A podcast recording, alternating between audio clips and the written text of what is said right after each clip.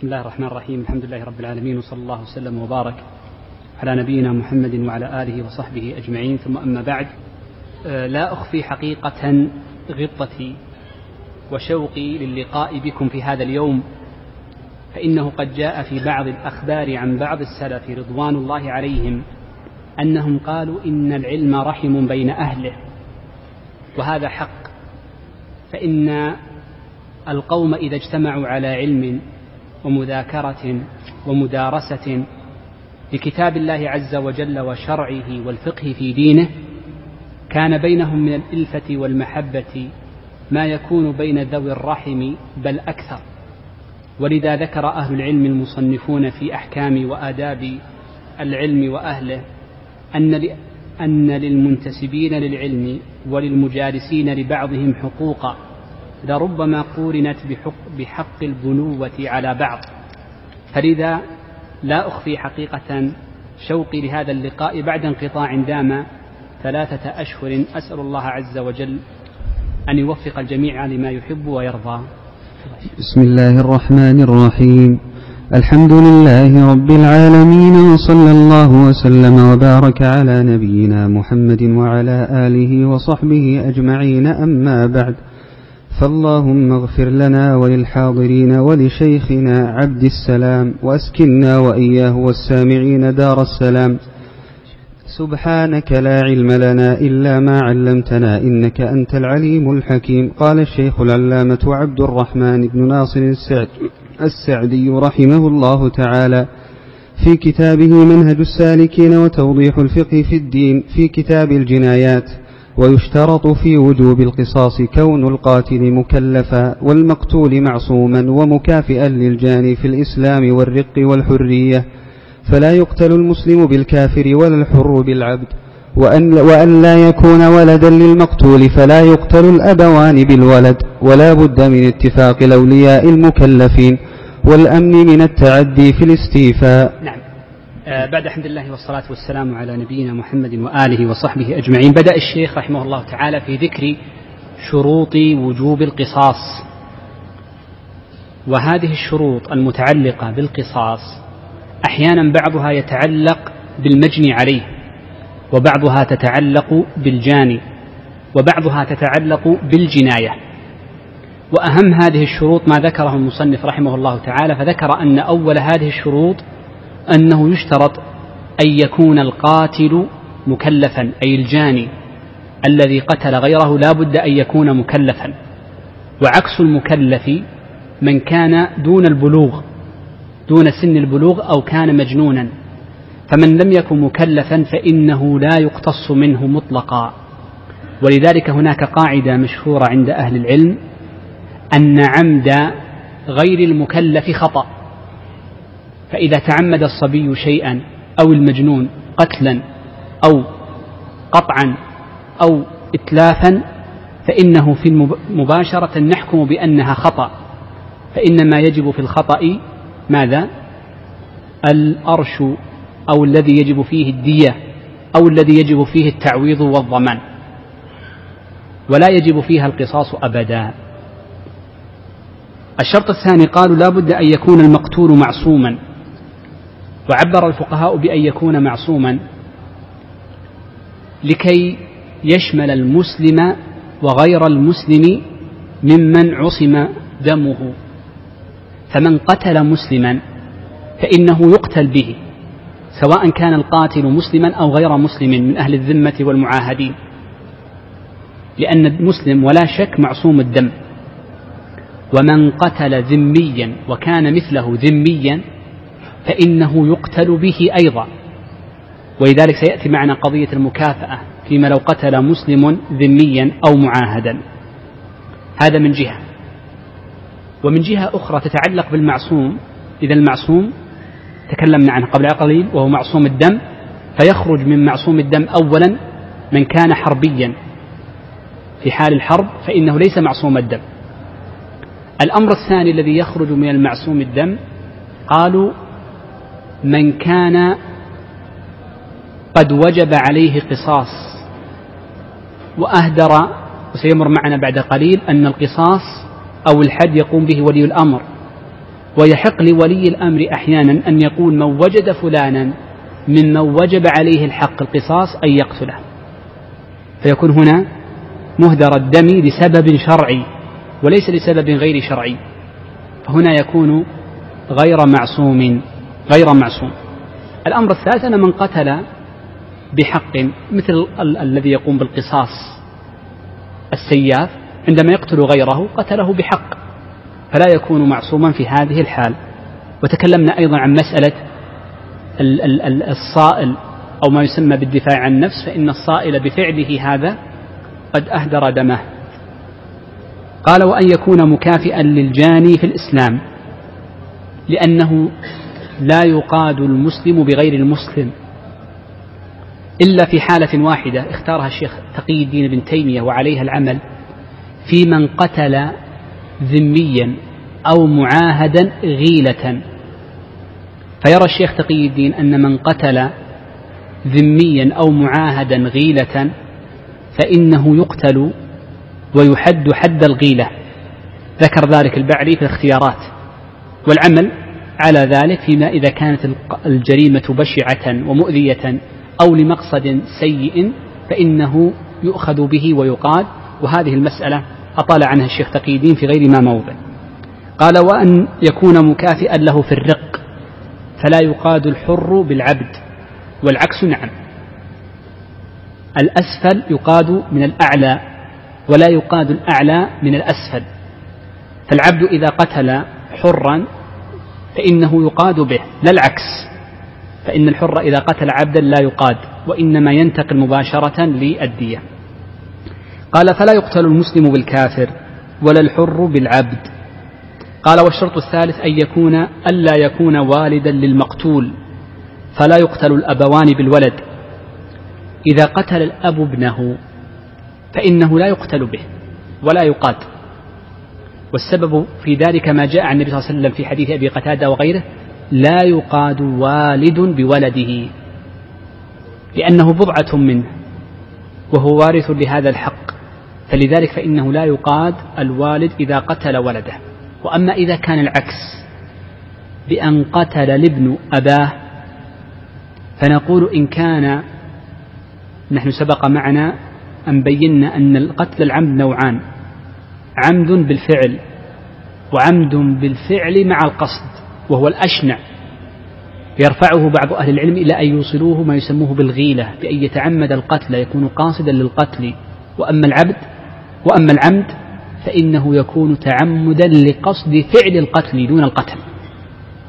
أما الابن إذا قتل أباه وكان مقاصدا لقتله فإن من أهل العلم من يقول إنه يشدد عليه فلا يقتل قصاصا وإنما ربما قتل غيلة كحد الغيلة لأن هذا منه.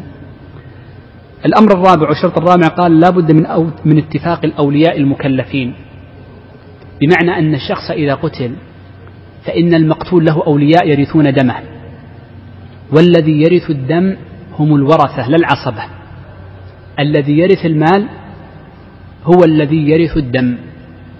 وقد يرث دم الرجل رجل وقد ترثه امرأة بنته ترثه أمه ترث دمه. وقد يرث الدم شخص غريب مثل من؟ زوجته. قد تكون من بلدة غير بلدته.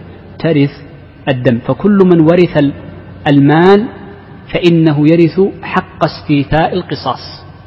حق استيفاء القصاص. وهذا يسمى من الحقوق الموروثة الاختصاص الذي يورث. فلا بد من اتفاق جميع المكلفين على ذلك. طيب. إن كان من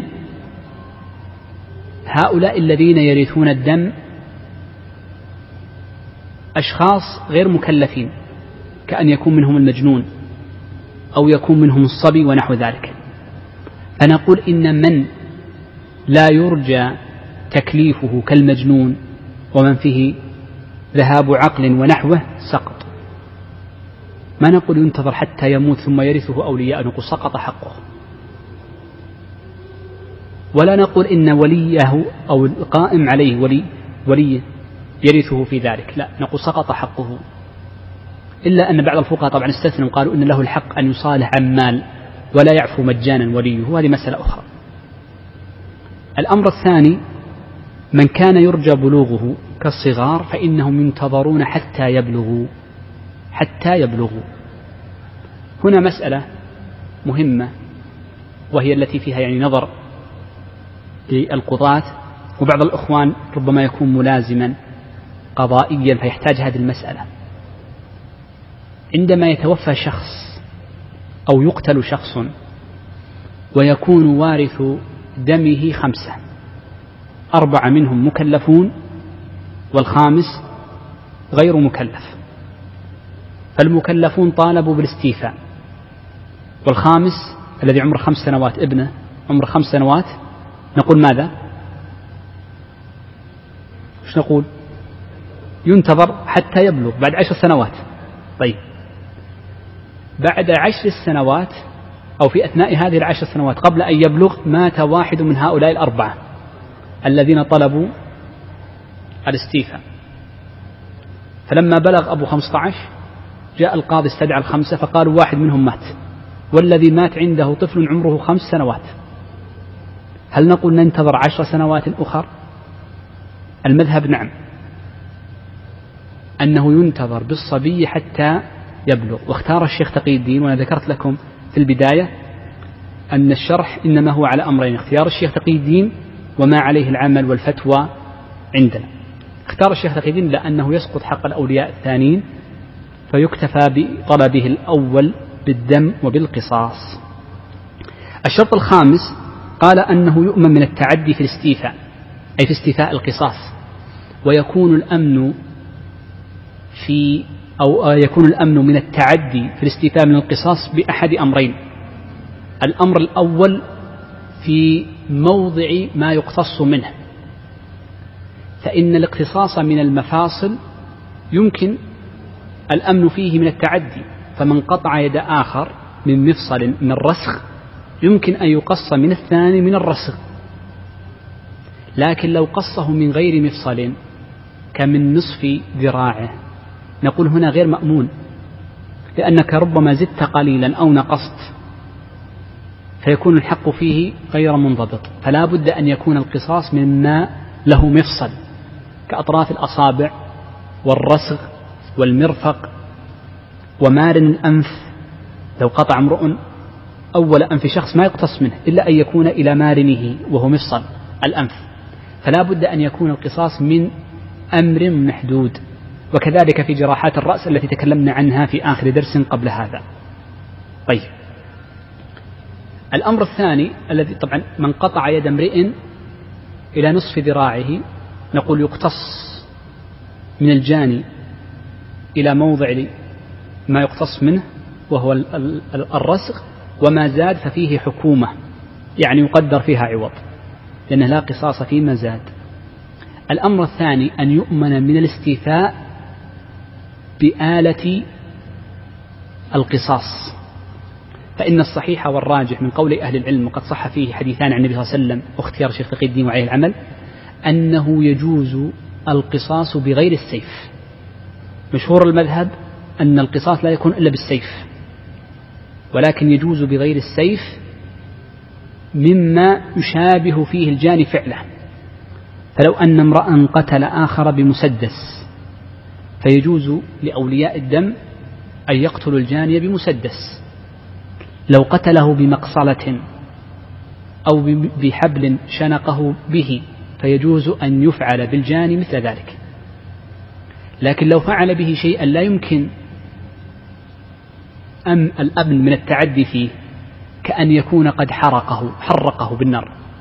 نقول لا ما يحرق بالنار وإنما ينتقل بآلة أنسب وهي السيف. نعم. قال رحمه الله وتقتل الجماعة بالواحد. طيب وتقتل الجماعة بالواحد أي إذا اشترك جماعة في قتل امرئ فإنهم يقتلون به. سواء كان الجماعة هؤلاء كلهم قد اشترك في قتله.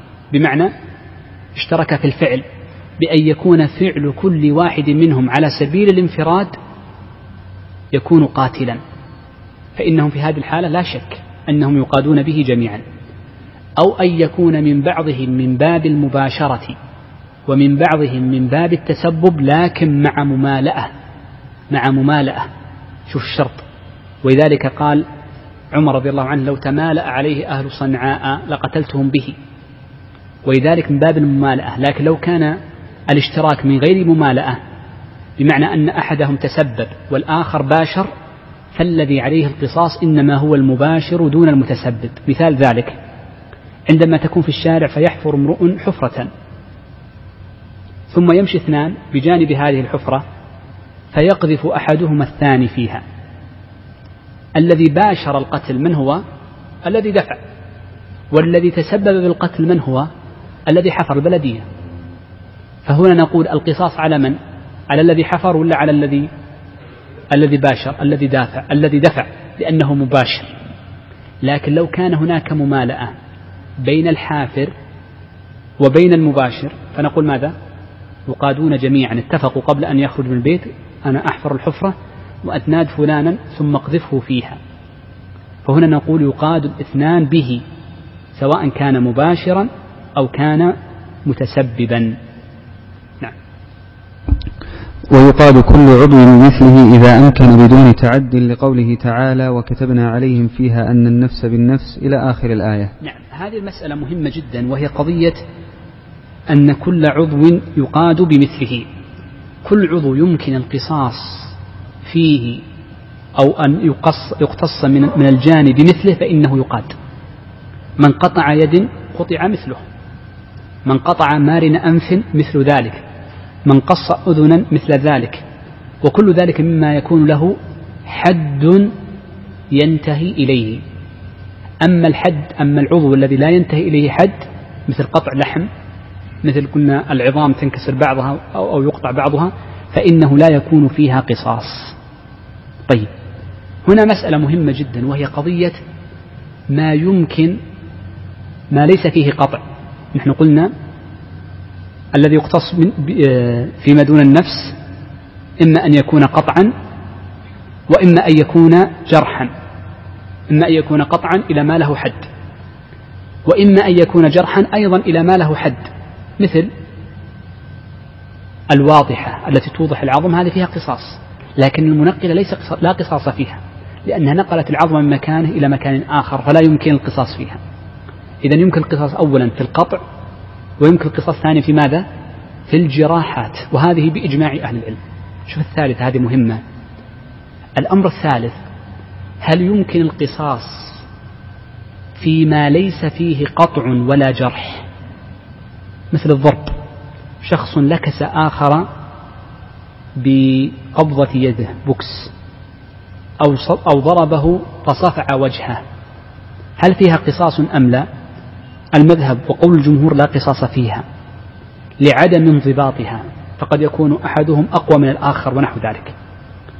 والقول الثاني وهو اختيار الشيخ تقي الدين أنه يمكن القصاص في الصفع ونحوه. إذا أمن التعدي إذا أمن التعدي. وهذه يعرفها من يقوم من أهل النظر بذلك. فإذا أمن التعدي يمكن إذا ضرب شخص آخر كفا أو صفعه على وجهه أو قفاه نقول افعل بالجاني مثل ما فعل بك بحكم قاض وبشرط عدم التعدي. نعم. ودية المرأة على نصف دية الذكر إلا فيما دون ثلث الدية فهما سواء. نعم. دية المرأة على نصف دية الذكر. هذه باتفاق أهل العلم أن دية المرأة مثل دية الرجل نصف دية الرجل. فحيث ثبتت دية الرجل مئة من الإبل فتكون دية المرأة خمسين. وحيث ثبتت الدية الرجل الآن بعد الزيادة الأخيرة بثلاثمائة أو بأربعمائة ألف فتصبح دية المرأة على نصفها. على نصفها.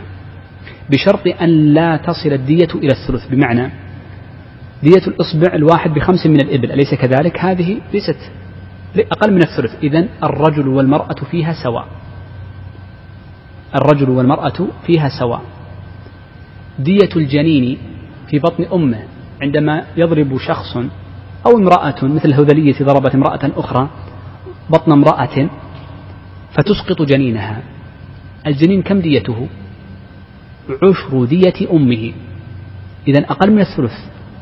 فلا فرق بين أن يكون الجنين ذكرا أو أنثى. فدية الجنين سواء خرج ذكرا أو أنثى ما دام خرج ميتا كدية الذكر والأنثى سواء لأنها أقل من الثلث.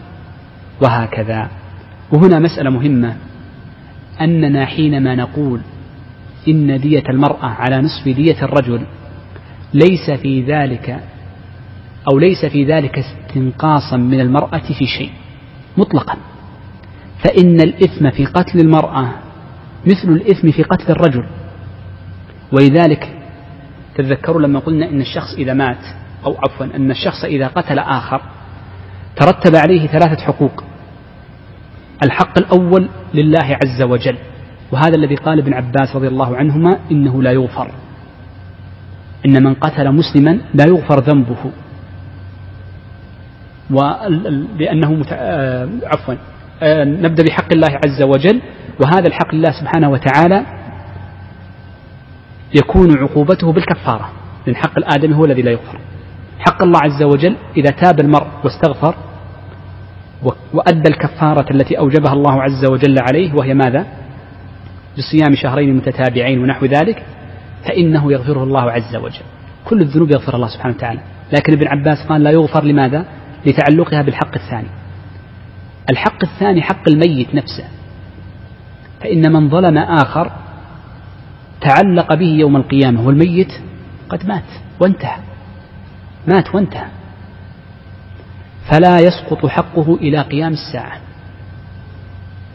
لكن ربما الله عز وجل لكثرة حسنات المرء وكثرة ما فعل من انطراح بين يديه جل وعلا فإنه يرضي ذلك المجني عليه يوم القيامة كما جاء في الحديث عنه صلى الله عليه وآله وسلم. الأمر الثالث وهنا الأمر الأول والثاني المرأة والرجل فيه سواء.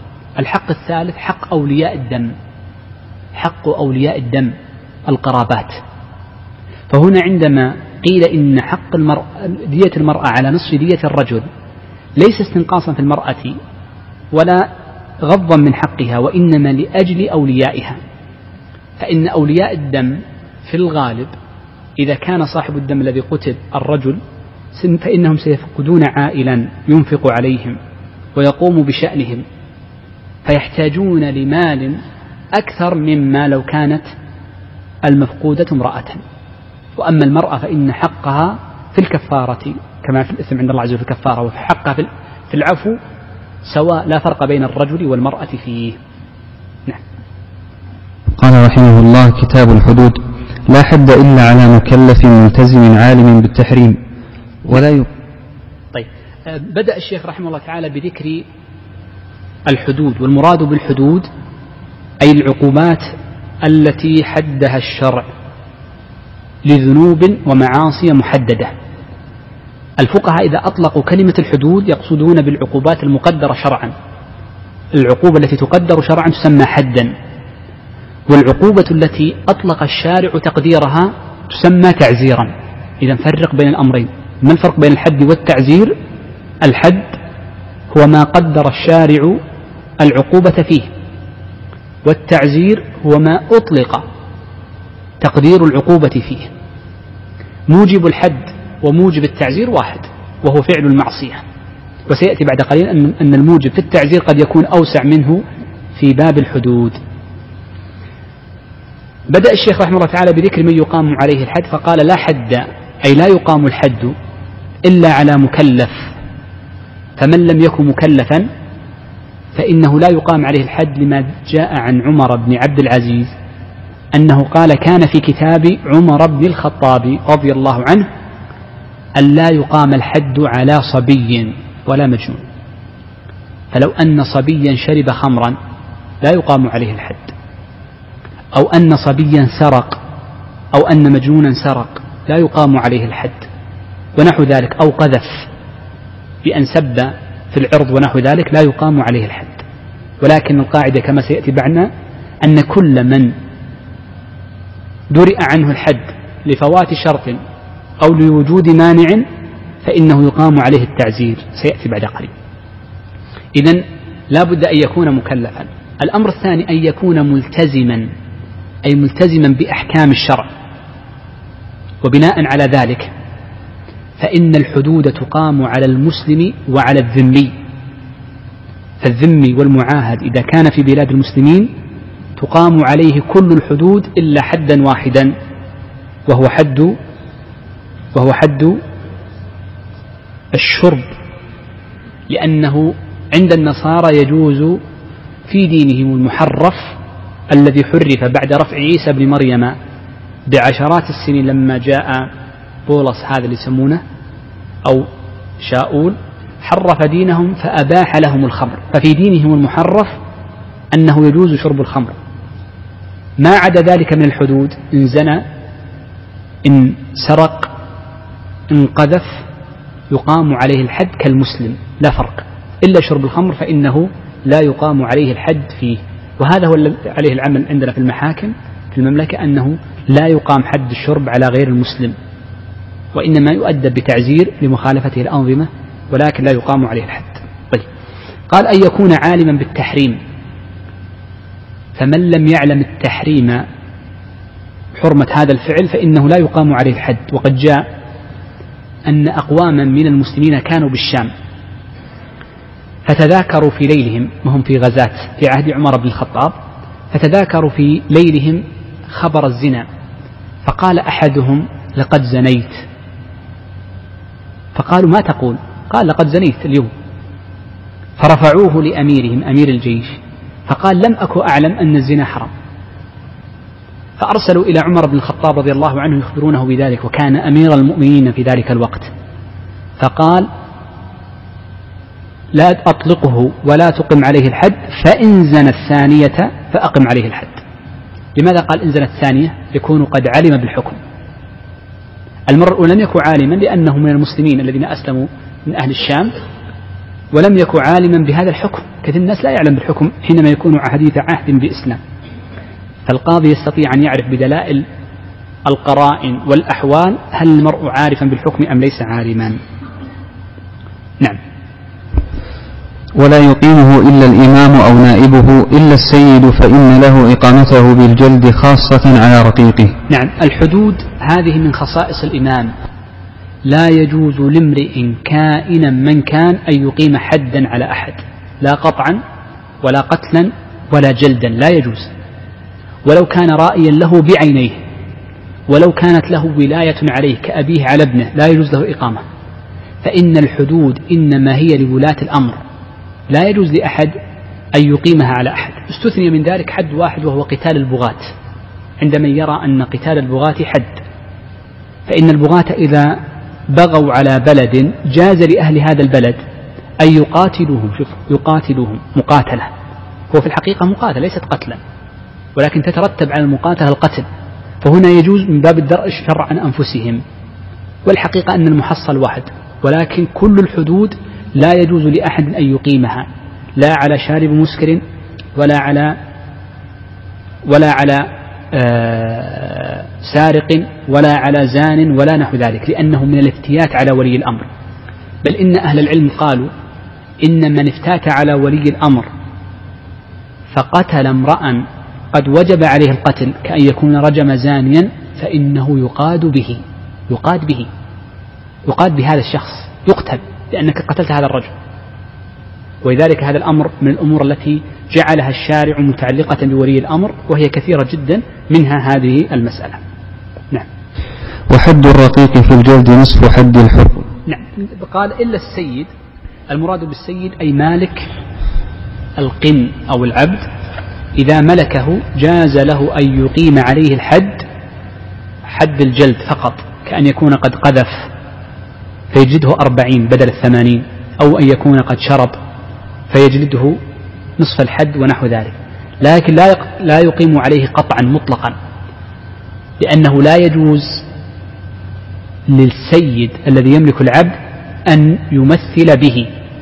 وقد ذكرنا في باب العتق قبل أن العبد إذا مثل به سيده على الصحيح وهو اختيار الشيخ تقي الدين وهو إعمال الحديث الذي عند أبي داود فإنه يعتق عليه.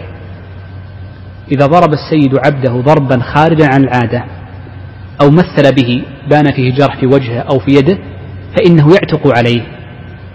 ليس للسيد أن يمثل في عبده مطلقا وإن من باب العقوبة المالية يعتق عليه.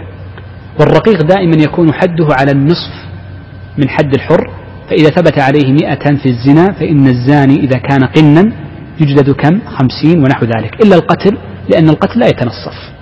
القتل لا يتنصف. نعم.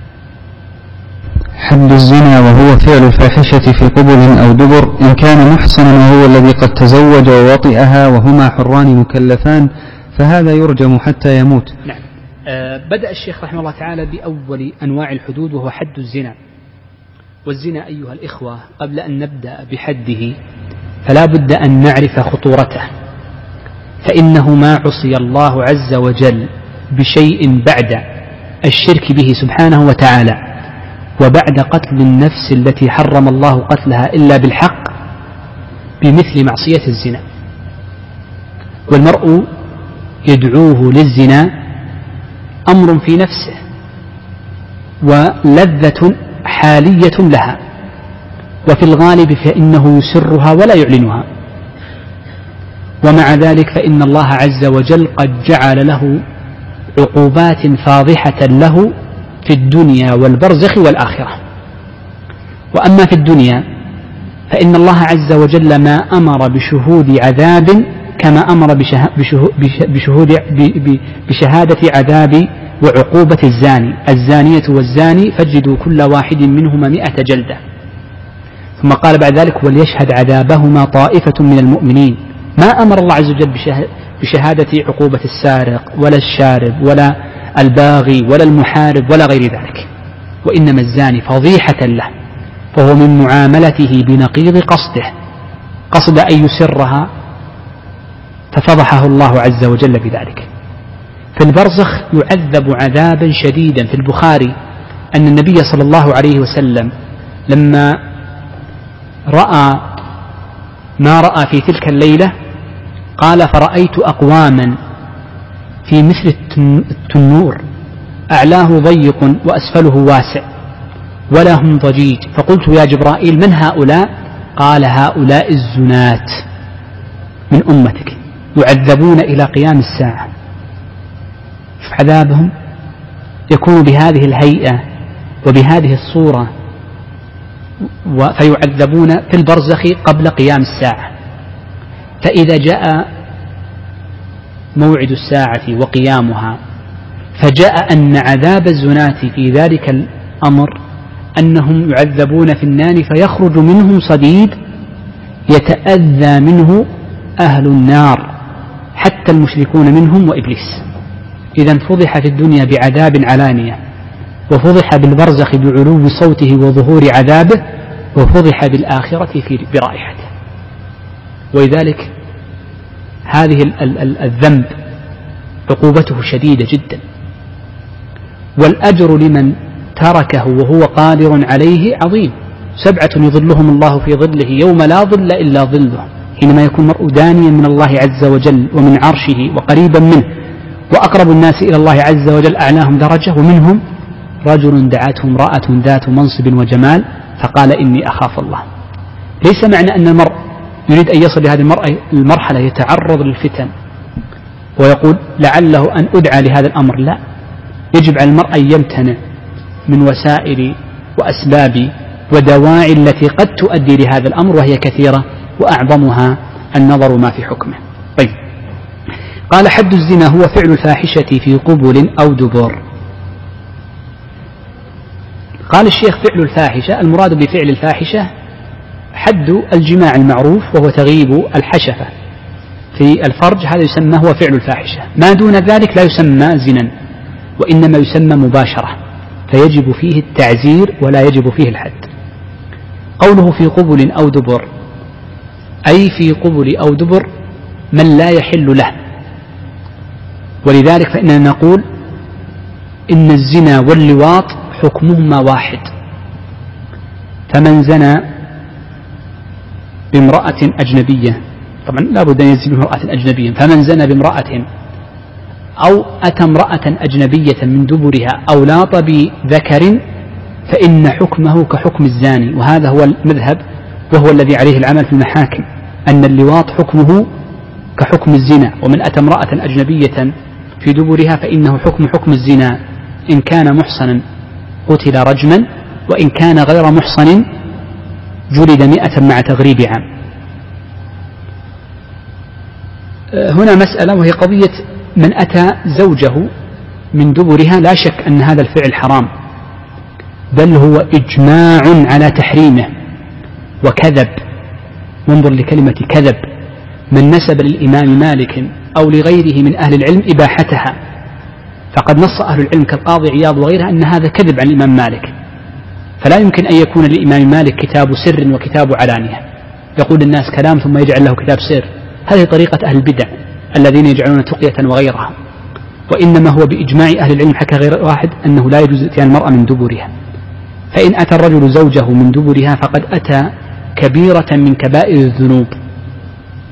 ويجوز للمرأة أن تطلب الطلاق بل ليس طلاقا بل هو فسخ لفعل المرء ما لا يجوز له ولكن لا يجب عليه الحد وإنما يجب على الزوج التعزير بالشبهة نعم قال أولا إن كان محصنا قرأت هذه؟ طيب إن كان محصنا قال وهو الذي تزوج ووطئها. تزوج أي عقد على امرأة. ووطئها أي دخل بها ليس مجرد الخلوة بل لا بد مع الخلوة الوطئ لماذا أتى بالكلمتين؟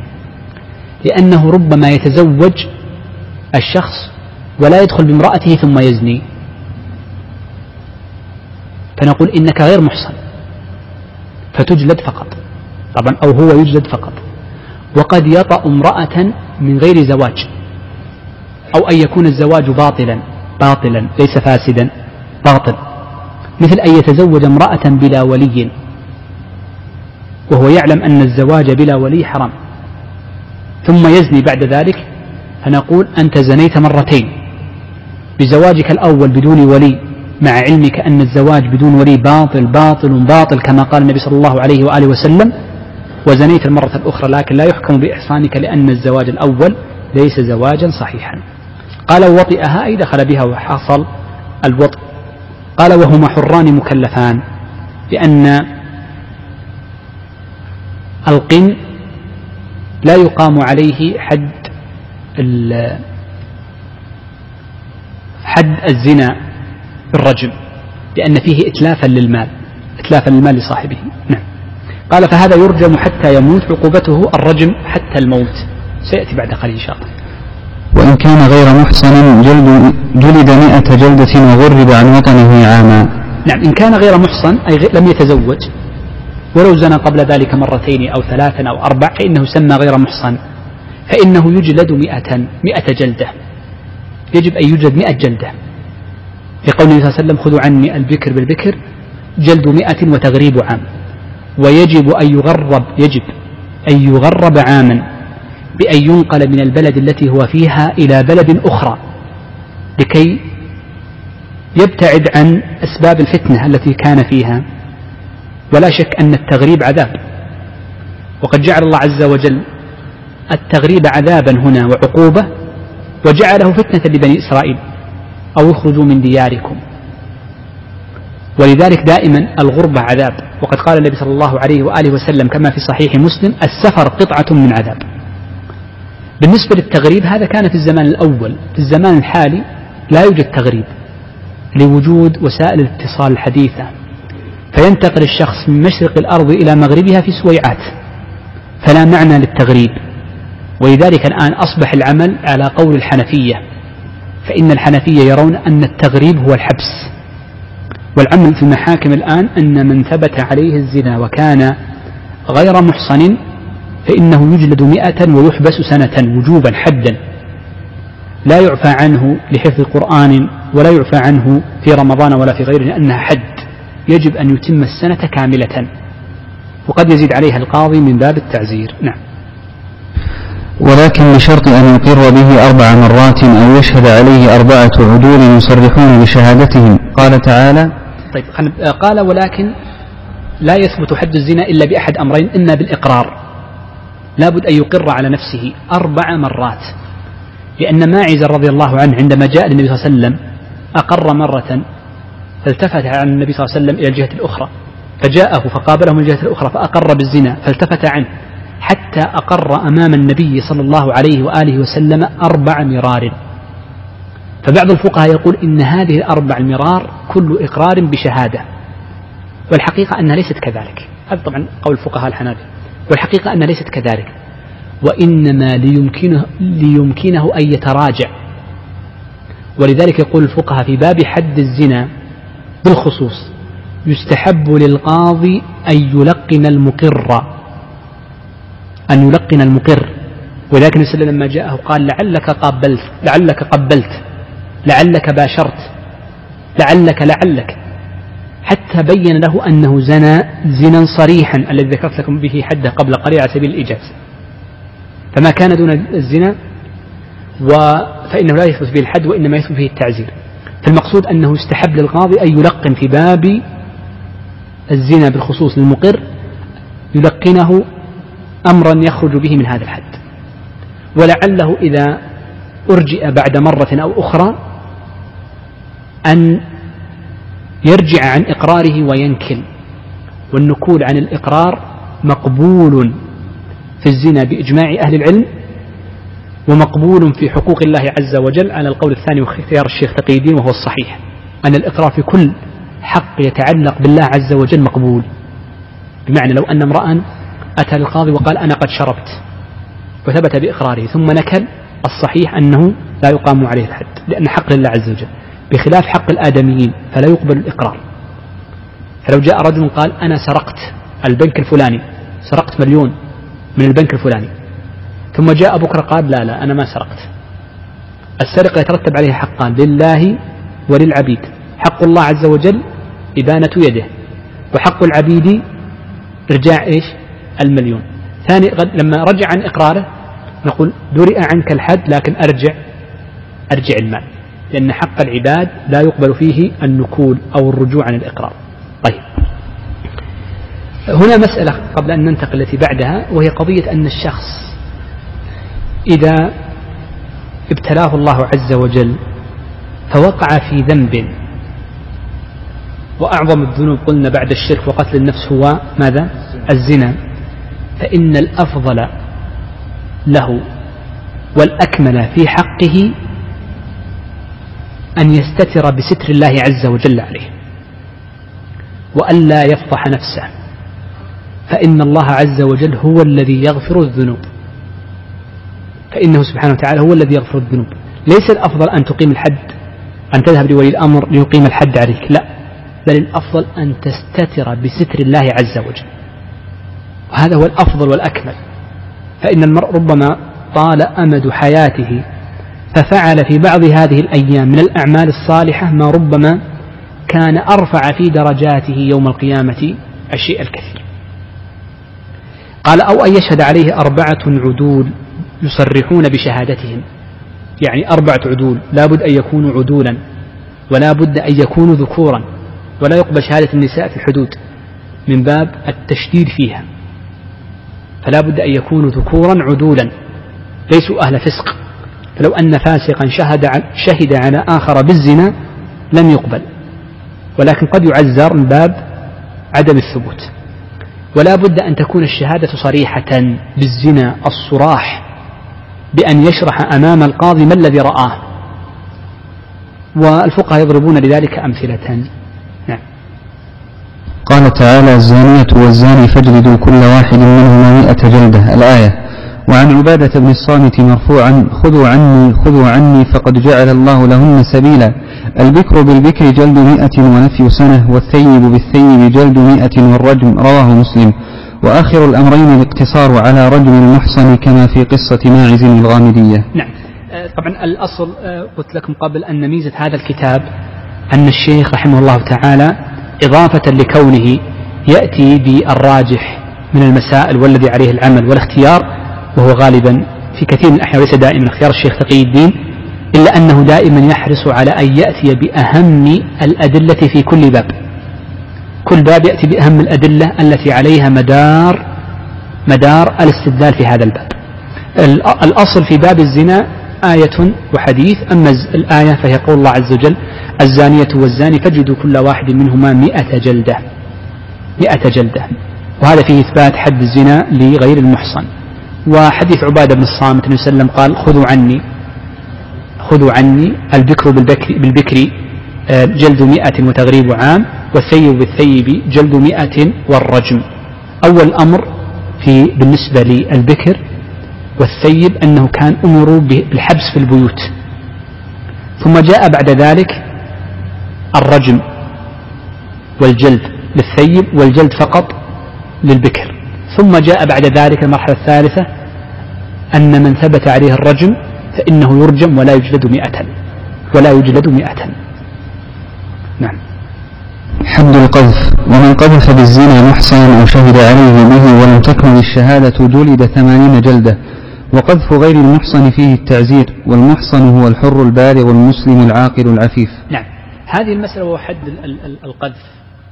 آه، والمراد بالقذف أن يرمى يرمى محصن. طبعا الإحصان في باب القذف غير المحصن في باب الزنا. انتبه. المحصن في باب الزنا هو الذي تزوج ووطئ زوجته والمحصن في باب القذف هو العفيف أو العفيفة. هو أن يرمي محصنا أو عفيفا بالزنا وما في حكمه كالزنا اللواط ونحو ذلك فإنه يعتبر قذفا. فإن رماه بغير ذلك سمي سبا كأن يقول له مثلا أعزكم الله الحاضرين يا حمار أو يا كلب هذا لا يسمى قذف. القذف فيه حد وأما السب ففيه تعزير. ومن أهل العلم من يرى أنه يمكن المماثلة في السب. فلو قال هذا اختيار أيضا الشيخ تقي الدين. لو قال امرؤ لآخر يا كلب نقول وأمكن مع وجود المماثلة وحضور وحضور من يكون نقول يعني من يكون أمام هذا الشيء ويكون الشخصان من طبقة واحدة ليس أحدهما أعلى من الآخر. نقول سبه كما سبك. ويكون بذلك قد اقتصصت منه. قد اقتصصت منه. طيب. إذا قلنا القذف ما هو الرمي بالزنا الصريح أو الرمي باللواط الصريح. الأمر الثاني لا بد أن يكون محصنا أي عفيفا أي عفيفا. فلو رمى, فلو رمى امرأ كان قد زنى فقال يا زاني فقال يا زاني وأضاف الزنا إلى قبل إقامة الحد فنقول رماه بما لا يوجب الحد. ولو قال يا زاني أمس أي بعد بعد إقامة الحد عليه فإنه يكون في هذه الحالة يجب عليه حد القذف. رأيتك بالأمس تزني فإنه يقام عليه حد القذف. قال أو شهد عليه به ولم تكمل الشهادة. ما معنى هذا الكلام؟ نحن قلنا قبل قليل إن, إن الزنا لا يثبت إلا بأربعة شهود. فلو جاء ثلاثة أو اثنان أو واحد إلى القاضي فقالوا نشهد أن زيدا قد زنى. ائتوا بالشاهد الرابع. قالوا لا يوجد. نقول يقام الحد على هؤلاء. يقام الحد على الشهود. لماذا شدد الشرع في هذا الشيء؟ طبعا كما فعل عمر رضي الله عنه. انظر. شدد الشرع في أولا إقامة في عدد الشهود أربعة. ثانيا في صفتهم. لا بد أن يكونوا ذكورا عدولا ما يقبل الإناث في الحدود. ثالثا فيما يشهدون به. فلا بد أن يكون صريحا كالرشا في البئر والمكحلة والميل في المكحلة ونحو ذلك. لا بد أن يكون ما رأوه صريحا. رابعا لا بد من العدد. وخوفهم بأنه لو نقص العدد. أو فات شيء من الشروط السابقة الثلاث ترى سيقام عليكم الحد. فكثير من الناس سوف يحجمون. لأجل ماذا؟ لكي لا يقام الحد علي أحد. ولذلك ذكر بعض أهل العلم وأظن ابن كثير أو غيره أنسيت الآن أنه لم يقم حد الزنا بالشهادة على أحد. يقول لا أعلم أنه أقيم حد الزنا بالشهادة على أحد ويكون الشهادة صحيحة. قد يكون بعض الولاة بعض الأزمنة الماضية ظالما. فيأتي بشهادة ليست صريحة فيقبلها فيكون ظالم لا شك. لكن لم تثبت. ولذلك يقول بعض الناس لنعطل حد الرجم فإن حد الرجم بشع. أن تأتي بإنسان وترميه بحجارة ليست بالكبيرة بلك ولا بالصغيرة وإنما وسط فترميه بها حتى يموت هذا قتل بشع. ألغي الحد. يقول لا لا يجوز أن تلغي الحد. هذا خطير جدا. ما ألغى الحد من المسلمين أحد إلا الخوارج لأنهم تركوا أشياء كثيرة من الدين. لا يجوز إلغاؤه. وليس في ذلك من عدم الرحمة شيء بل هو رحمة بالناس إذا علم المرء الذي يزني أنه إن زنى سيقوم عليه هذه العقوبة الشديدة الفاضحة له فإنه سينزجر. ولذلك لا يقام الحد حد الرجم. معي؟ لا يقام حد الرجم على التاريخ كما ذكروا إلا بالإقرار. ماعز أقيم عليه بماذا؟ بشهود أم بإقرار؟ بإقرار هو الرجل. قال أريد أن يقام عليه الحد. يستنكه ينظر أهو سكران أم ليس بسكران؟ يعرف أهو عاقل أم ليس بعاقل؟ لم يقم كما ذكرت لكم عن بعض المؤرخين إقامة الحد بالشهود ما يدلنا على أن المقصود من هذا الحد ما هو؟ هو الزجر من هذا الذنب العظيم الخطير. وحقيقة أيها الإخوة إن من عصمه الله عز وجل من الزنا فإنه في نعمة وخير عظيم جدا. ومن بلي بذلك فإن شؤم هذا الذنب سيستمر معه كثيرا. ما لم يتداركه الله برحمته ويمن عليه بعفوه ورضوانه. يقول الشيخ فإنه يجلد ثمانين جلدة. لقول الله عز وجل والذين يرمون المحصنات الغافلات ثم لم يأتوا بأربعة شهداء فاجلدوهم ثمانين جلدة. ثمانين جلدة. لابد من ثمانين جلدة. قال وقد كم تفضل وقذف غير المحسن فيه التعزير والمحسن هو الحر البالغ المسلم العاقل العفيف. نعم. قال وقذف غير المحصن غير المحصن هو من فات أحد الشروط القادمة فيه بأن لا يكون حرا بأن يقذف عبدا أو يقذف من دون البلوغ أبو سبع أو ثمان يقول هذا زاني أو يقذف كافرا أو يقذف مجنونا أو يقذف من ليس بالعفيف. من شهر عند الناس جميعا أنه ليس بعفيف فإنه لا يقام عليه الحد وإنما يعزر. بمعنى أن يجلد أقل من ثمانين جلدة. نعم. والتعزير واجب في كل معصية لا حد فيها ولا كفارة. نعم. بدأ الشيخ رحمه الله تعالى بذكر أحكام التعزير والحقيقة أن أحكام التعزير طويلة جدا وكثيرة. ولكن نكتفي بشرح الجملة التي ذكرها الشيخ رحمه الله تعالى وقال فإنه قال والتعزير واجب في كل معصية لا حد فيها ولا كفارة. التعزير ما هو؟ هو العقوبة التي لم يحددها الشرع. وإنما أطلقها لولي الأمر. والأمور التي يعزر فيها ثلاثة أشياء. الأمر الأول ما كان من الأفعال التي إذا استوفت شروطها وجب فيها الحد. الأفعال التي إذا استوفت شروطها وجب فيها الحد. فإنها إذا لم تستوفي شروطها أو جاء أحد من الموانع فيها بشبهة ونحوه فإنه يسقط الحد انتبه عبارتي ويجب فيها التعزير. يجب أن يعزر. رأى القاضي امرأ يسرق ولكنه لم يبلغ نصابا أو ثبت عند القاضي أن لما نقول لكي لا يحكم القاضي بعلمه ثبت عند القاضي بشهود أن فلانا سرق لكنه لم يبلغ نصابا أو من غير حرز فإنه يجب عليه أن يعزره. هذا واحد. النوع الثاني المعاصي الشرعية التي ليست من الحدود. هناك معاصي شرعية غير الحدود فيجوز التعزير عليها ولكنه ليس بواجب. مثال ذلك مثال ذلك ما خلينا نذكر أمورا عزر عليها النبي صلى الله عليه وسلم ثم نذكر أمورا عزر عليها من غيره النبي صلى الله عليه وسلم قال إن من أخذ شيئا في حمى المدينة يعني اصطاد في حمى المدينة اصطاد الصيد في حمى المدينة فإنه يؤخذ سلبه كما جاء في حديث سعد بن أبي وقاص. إذا رؤي شخص اصطاد الصيد ما بين عير وثور في المدينة فإنه يؤخذ غترته ويؤخذ ثوبه ويؤخذ الكيس الذي معه ويؤخذ سلبه من باب التعزير بالمال. والصحيح أن هذا تعزير هذه عقوبة لأمر محرم. من الأشياء المحرمة شرعا وفيها التعزير لكنه ليس بواجب ولكنه يعني محثوث عليه لإثبات قوة يعني الدين في المعاكسات مثلا. المعاكسات في فعل بعض المحرمات فإنه يكون عليها التعزير. النوع الثالث مما يكون فيه التعزير فيما منع منه ولي الأمر مصلحة.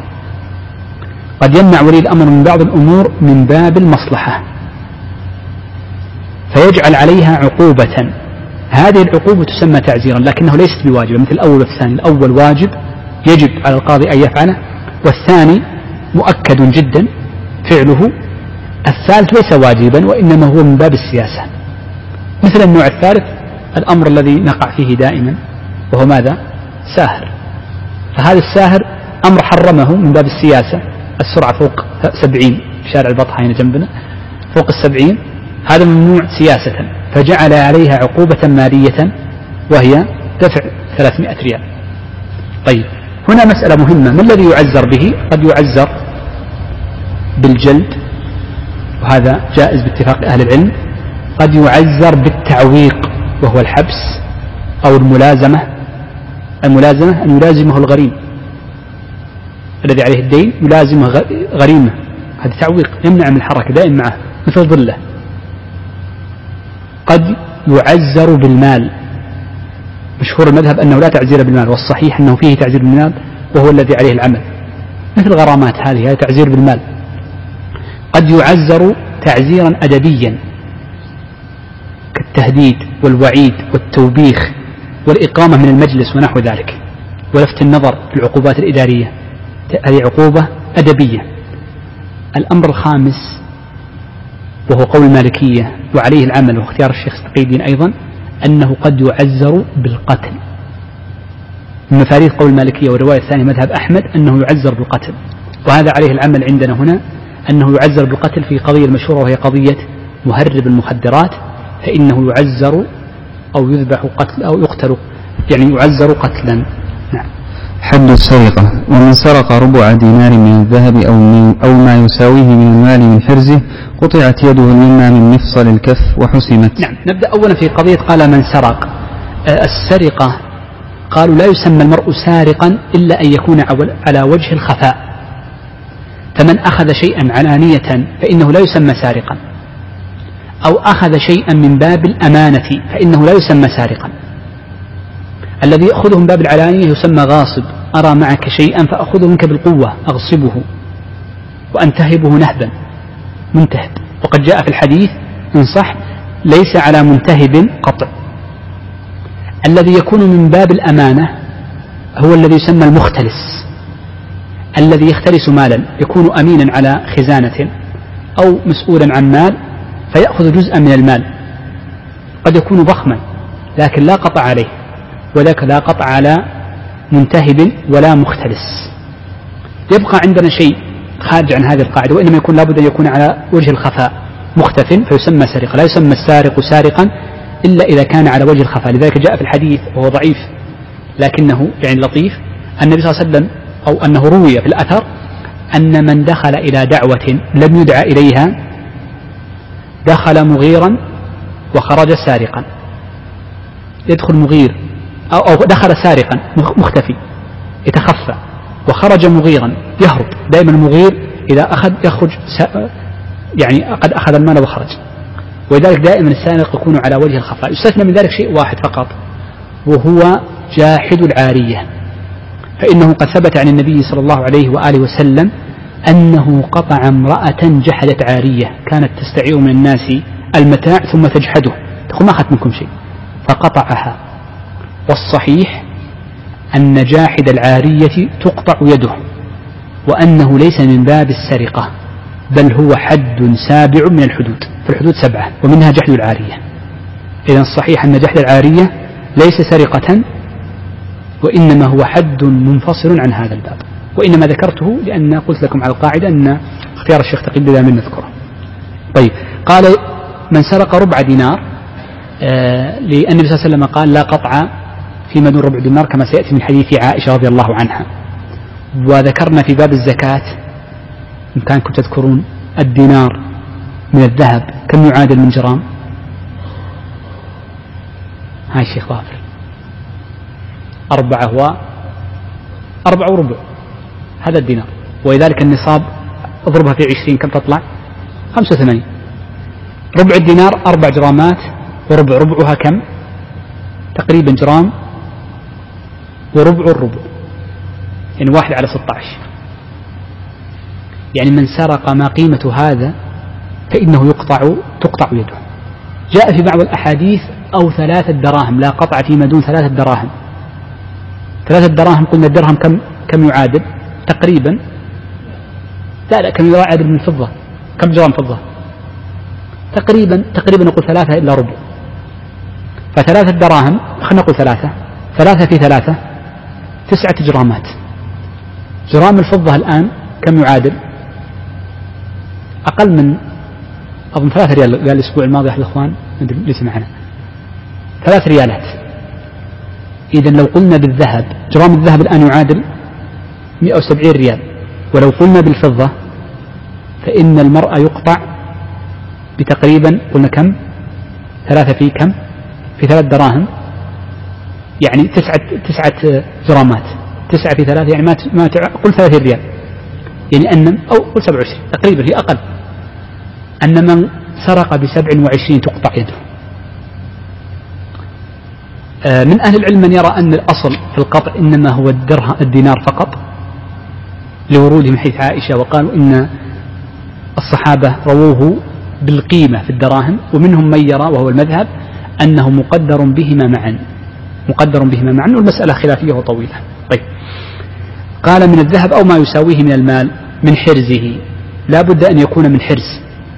ولكل شيء حرزه. فالجيب المحفظة حرز. مثلا. والبيت حرز. والقفل حرز. فلكل شيء حرزه. وهو يختلف باختلاف الأعراف وباختلاف الأزمان وباختلاف البلدان فقد يكون في بلد حرزا وفي بلد ليست بحرز. قال قطعت يده اليمنى من مفصل الكف. تقطع من مفصل الكف هنا. ثم حسمت. ومعنى حسمت أي أنها يعني يقطع عنها الدم بأن تغمس في زيت ونحوه. قضية الحسم هنا في مسألتان مهمتان. المسألة الأولى ما يتعلق بالحسم.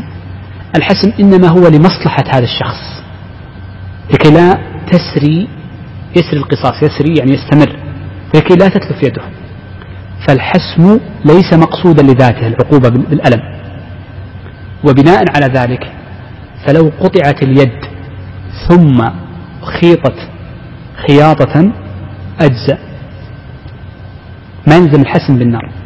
وهذا الذي عليه العمل عندنا في المحاكم أنها تحسم أن الحسم ليس لازما وإنما تخاط خياطة. ما توضع في الزيت الآن وإنما تقطع ثم تخاط. هذا واحد. الأمر الثاني هل الألم مقصود أم ليس مقصودا؟ أو قبل أن ننتقل للألم من أهل العلم المسألة الثانية من أهل العلم من يقول إن المقصود بالحسم ليس الغمس كما جاء في بعض الأحاديث وإنما الإبانة.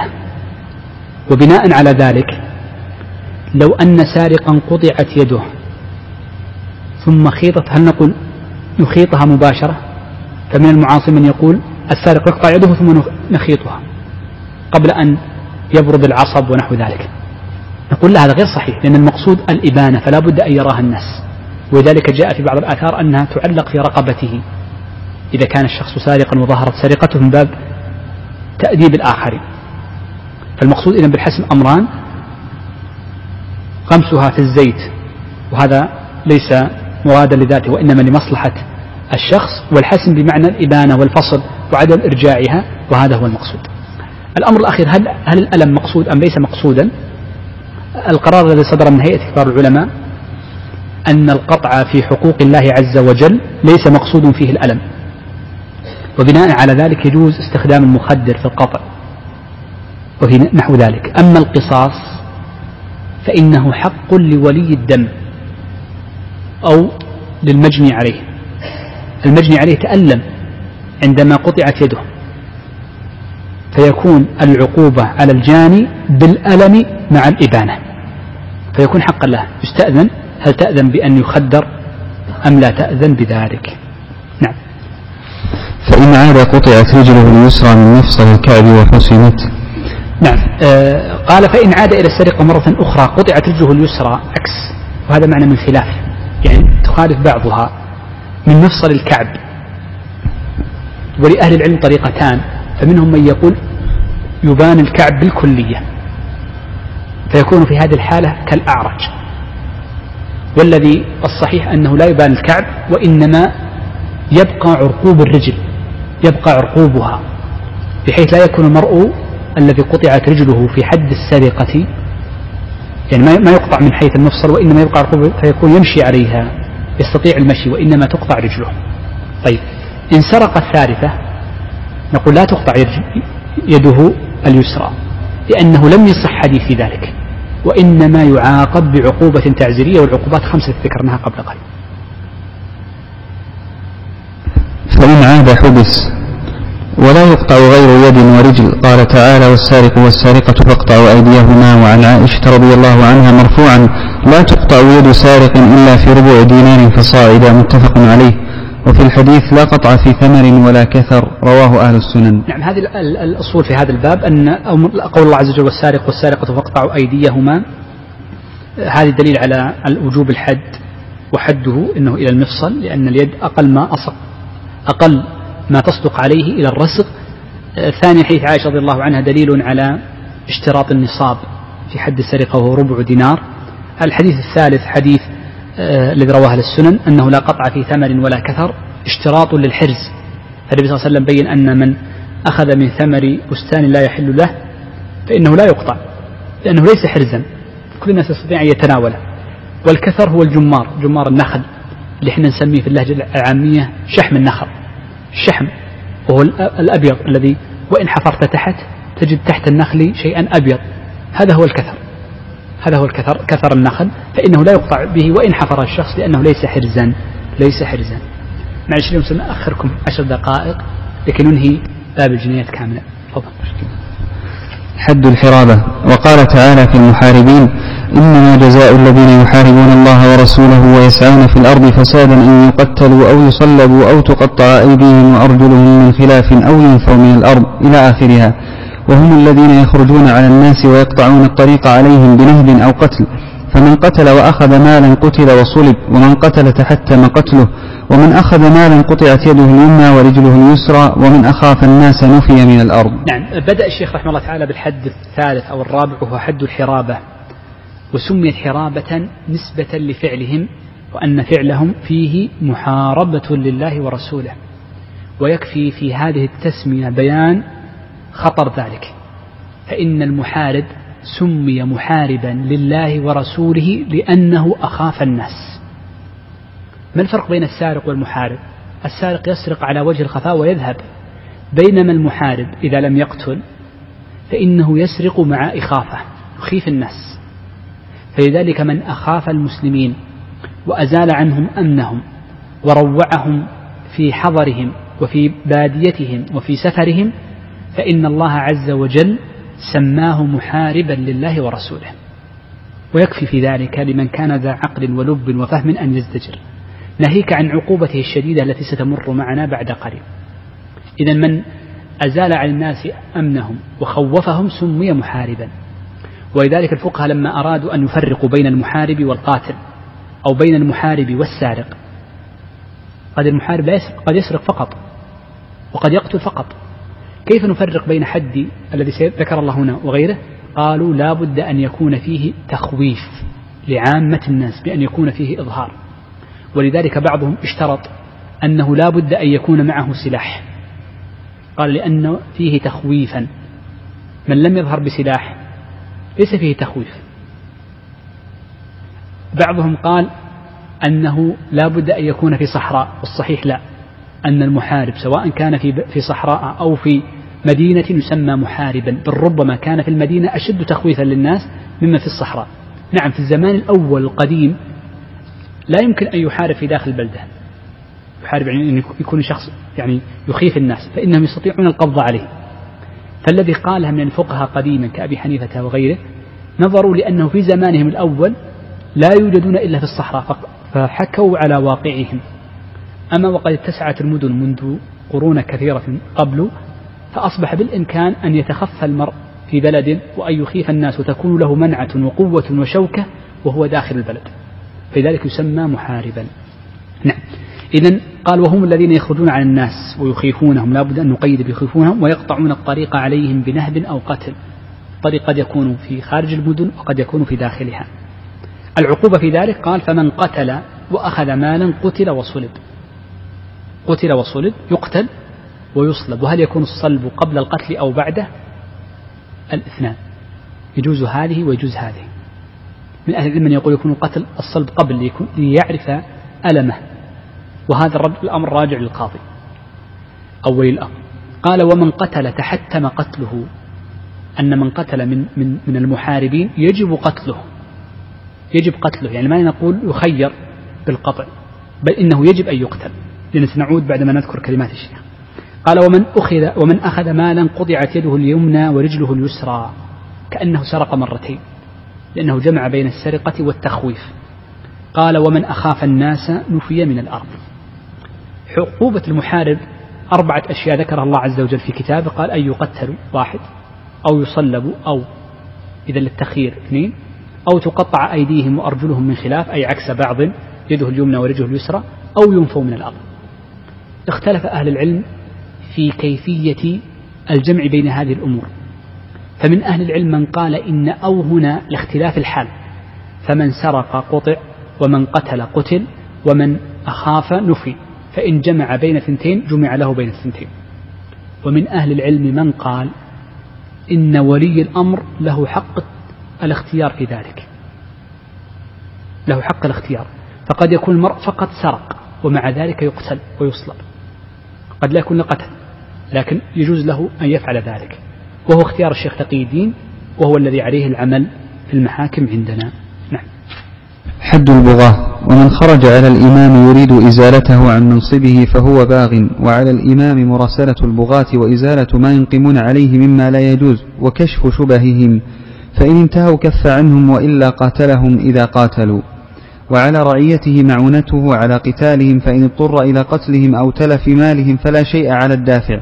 وإن قتل الدافع كان شهيدا ولا يتبع لهم مدبر ولا يجهز على جريح ولا يغنم لهم مال ولا يسبى لهم ذرية ولا ضمان على أحد الفريقين فيما أتلف حال الحرب من نفوس وأموال. نعم بدأ الشيخ رحمه الله تعالى بحكم البغاة. وقال فمن خرج على إمام يريد إزالته من منصبه فهو باغ. أي من خرج على الإمام سواء كان بتأويل سائغ أو من غير تأويل سائغ فإنه يسمى باغيا. فإن كان بتأويل سائغ فإن كان بتأويل سائغ سمي بغاة وسكتنا مثل ما كان بين معاوية رضي الله عنه وعلي. فإن الشافعي رحمه الله تعالى لما ذكر حكم البغاة استدل عليه بما كان بين الصحابة رضوان الله عليهم فإن أحدهم كان باغيا على غيره وسمى النبي صلى الله عليه وسلم الذي يقتل عمارا بالفئة الباغية. تقتله الفئة الباغية. ولذلك أحمد لما سئل عن قول الشافعي لما مثل بما كان بين الصحابة وما شجر قال وهل يسعه إلا ذلك؟ لم يثبت عن النبي صلى الله عليه وسلم حديث في حكم البغاة بعينهم كما قرر غير واحد من أهل العلم. الأمر الثاني إذا كان خروج هؤلاء على الإمام من غير تأويل سائغ فإنهم بغاة خوارج. فإنهم بغاة خوارج. إذا البغاة نوعان. يجب أن تفرق بينهما. والتفريق بينهما مؤثر في الحكم. مؤثر في الحكم. إذا الأمر الأول من كان بتأويل سائغ والثاني من كان بتأويل غير سائغ. وهم الخوارج الذين يعتدون على الناس ويكفرونهم أو يعني يستبيحون أموالهم ونحو ذلك. ما الذي يترتب على هذا؟ أمور. الأمر الأول استمر معنا بعد قليل. أن ابتداء هذا ذكرها الشيخ تقي الدين وقال إن كثيرا من الفقهاء يخطئ فيظن أن حكمهما واحد والحقيقة أن هناك فرق. الفرق الأول الذي ينبني على ذلك أولا أن نقول أن قتال الخوارج واجب. أن قتال الخوارج الذين يخرجون على الأمر واجب. ولذلك ثبت عن النبي صلى الله عليه وآله وسلم أنه قال طوبى لمن قتلهم أو قتلوه. طوبى لمن قتلهم أو قتلوه كررها ثلاثا. بينما قتال البغاة ليس واجبا بل الأفضل الكف الأفضل الكف والامتناع. وهذا الذي اختاره سيمر عليه نفس الكلمة ذكرها الشيخ بعد قليل. الأفضل الكف إلا أن يبدأوا بالقتال فيكون من باب الدفع. ولذلك فإن علي رضي الله عنه كما قرر الشيخ تقي الدين ندم على المقاتلة مقاتلتهم البغاة الذين خرجوا عليه رضي الله عنه. ولكنه لم يندم. على قتال الخوارج. بل أثنى الله عز وجل بل أثنى النبي صلى الله عليه وسلم على من قاتل الخوارج الذي يكون فيهم الرجل الذي يكون معطوب اليد. وهذا الكلام أطلع عليه الشيخ تقي الدين في المجلد الرابع من مجموع الفتاوى. إذا هذا الفرق الأول. الفرق الثاني في قضية الإجهاز على على آه، على على النافر منهم. والأقرب أن يعني هل يجهز على الخارجي وعلى الباغي. تكلم عنها الشيخ تقي الدين ومن أراد أن يرجع لكلامه فإنه يكون أوسع. طيب لأجل الوقت. قال وعلى الإمام مراسلة البغاة أي مناصحتهم وإزالة ما ينقمون عليه مما لا يجوز مما لا يجوز له فعله وكشف شبههم. يجب. قد يكون عندهم بعض الحق فيجب عليه أن يرجع لقولهم وإن كانت عندهم شبهة راجعهم أو راجعهم أهل العلم لإزالتها. قال فإن انتهوا كف عنهم. وإلا قاتلهم إذ قاتلوا. الفقهاء يقولون وجب على الإمام مقاتلتهم. يقول شيخ الإسلام لا غير صحيح. بل الأوجب أن يقال إنما يقاتلون إذا قاتلوا. قال وعلى رعيته معونتهم على قتالهم سواء كانوا بغاة أو خوارج. على الرعية المعونة. قال فإن اضطر إلى قتلهم أو تلف مالهم اضطر انظر العبارة. في البغاة اضطر إلى قتلهم أو دفع مال أو, أو تلف مالهم فلا شيء على الدافع فلا شيء على الدافع الذي دافع عن نفسه وهم المقاتلون. فإن قتل الدافع كان شهيدا. قتل النبي صلى الله عليه وسلم قال من قاتل دون ماله فهو شهيد من قتل دون ماله فهو شهيد ومن قتل دون عرضه فهو شهيد. قال ولا يتبع لهم مدبر من أدبر من البغاة لا يتبع. وأما الخوارج ذكرت لكم قبل قليل خلاف فيه. ولا يجهز لهم على جريح وإنما يعالج. ولا يغنم لهم مال بل يجب أن يرد عليهم ولا يسبى لهم ذرية كالكفار. قال ولا ضمان على أحد الفريقين فيما أتلف حال الحرب من نفوس وأموال. إذا تحارب الطائفتان من المؤمنين واقتتلوا واقتتلوا فإن أحدهم لا يضمن مال الآخر ولو كان باغيا. حتى الباغي ما يضمن. لوجود الشبهة لوجود الشبهة. نعم. آخر جملة نعم. باب حكم المرتد. والمرتد هو من خرج عن دين الإسلام إلى الكفر بفعل أو قول أو اعتقاد أو شك. وقد ذكر العلماء رحمهم الله تفاصيل ما يخرج به العبد من الإسلام. وترجع كلها إلى جحد ما جاء به الرسول صلى الله عليه وسلم أو جحد بعضه غير متأول في جحد البعض. فمن ارتد استتيب ثلاثة أيام فإن رجع وإلا قتل بالسيف. نعم. هذا الباب هو آخر ما يختم به وهو باب الحدود وهو باب حكم المرتد. أي الذي يكون مسلما ثم يرتد على عقبيه وينكص عليهما فيرتد عن دين الإسلام. الذي يرتد هو من خرج عن دين الإسلام إلى الكفر. وقد يكون وقد يكون ارتداده بفعل مثل من فعل بعض المكفرات بعينها كمن يستهزئ بدين الله عز وجل. قل أب الله وآياته ورسوله كنتم تستهزئون لا تعتذروا قد كفرتم بعد إيمانكم. فبعض الأفعال أو الأقوال تكون كفرا بذاتها. وقد يكون بالامتناع بالامتناع مثل الامتناع عن الصلاة. فإن كثيرا من أهل العلم وحكي إجماعا متقدما. حكاه إسحاق بن راهوية وحكاه أيضا آه، عبد الله بن شقيق كما نقل عن محمد بن نصر المروزي في تعظيم قدر الصلاة أن الصحابة رضوان الله عليهم أجمعوا على أن من ترك الصلاة فهو كافر والأصل في ذلك حديث بريدة عند أبي داود أن النبي صلى الله عليه وسلم قال العهد الذي بيننا وبينهم الصلاة فمن تركها فقد كفر. وفي مسلم من حديث جابر بين المرء وبين الكفر ترك الصلاة. فبعض أهل العلم يرى أن قتل تارك الصلاة حدا لأنه من باب الترك. إذا قد يكفر المرء بفعل وقد يكفر بقول وقد يكون بترك فعل واجب عليه. قال أو باعتقاد أن يعتقد شيئا في نفسه أو شك. ثم ذكر الشيخ رحمه الله تعالى أن بعض أهل العلم أو ذكر العلماء هذه الأمور كلها ترجع عن تفاصيل ما الذي يعني يكون به الكفر وبعض المذاهب أوسع من بعض والحنفية يتوسعون في الكفر بالألفاظ فيذكرون من الألفاظ أشياء كثيرة جدا لا يوافقها علي لا يوافقهم عليها غيرهم. ولذلك الحنفية أفردوا كتبا في الألفاظ الكفر. كثير منهم وجمعت أظن أربعة كتب أو خمسة في مجلد واحد لبعض المحققين المعاصرين جمعها حتى إنهم بعض يقول الكلام الذي ربما اعتاده بعض الناس يجعلونه كفرا. والصحيح أنه ليست كل كلمة يتفوه بها المرء تكون كفرا إلا أن تكون صراحا كالاستهزاء بالله. قال وكلها ترجع إلى جحد ما جاء به الرسول صلى الله عليه وسلم. فمن فعل فعلا منهيا عنه ويعلم أنه كفر في الحقيقة هو جحد هذا الحديث. ومن امتنع من فعل شيء وهو يعلم أنه ممنوع منه هو في الحقيقة راجع للجحود. لهذا الحديث أو بعضه. قال غير متأول في جحد البعض. لأن البعض قد يترك فعلا أو يفعل شيئا أو يقوله وهو متأول يظن جوازه وهو مخطئ في تأوله فلا يكون مرتدا. قال فمن ارتد استتيب ثلاثة أيام. القاعدة أن المرتد يستتاب. إلا لمن لا تقبل له توبة. هناك بعض الأشياء ذكر بعض أهل العلم أنهم لا تقبل لهم توبة. فمن لا تقبل له توبة لا يستتاب مثل الساحر. فمن أهل العلم من يرى من أهل العلم من يرى أن الساحر لا يستتاب وإنما يقتل مباشرة كما فعل غير واحد من الصحابة. ومثل ما جاء عن ناقض العهد وبعض الألفاظ التي تقال. قال فإن رجع وإلا قتل بالسيف. هنا يقتل بالسيف لأنه هو الأصل في إقامة الحدود بخلاف القصاص فإنه يقام بالسيف وغيره. طبعا اختصرنا في بعض الحدود كثيرا لأجل الوقت. أعتذر اليوم لأني أطلت عليكم على أكثر من العادة بكثير لأننا نريد أن نختم الكتاب لكي نبدأ بكتابنا الآخر إن شاء الله. ما بقي عندنا الدرس القادم إلا شيئا يسيرا أقل من اليوم بمشيئة الله عز وجل. أسأل الله عز وجل للجميع التوفيق والسداد وصلى الله وسلم على نبينا محمد وآله وصحبه أجمعين.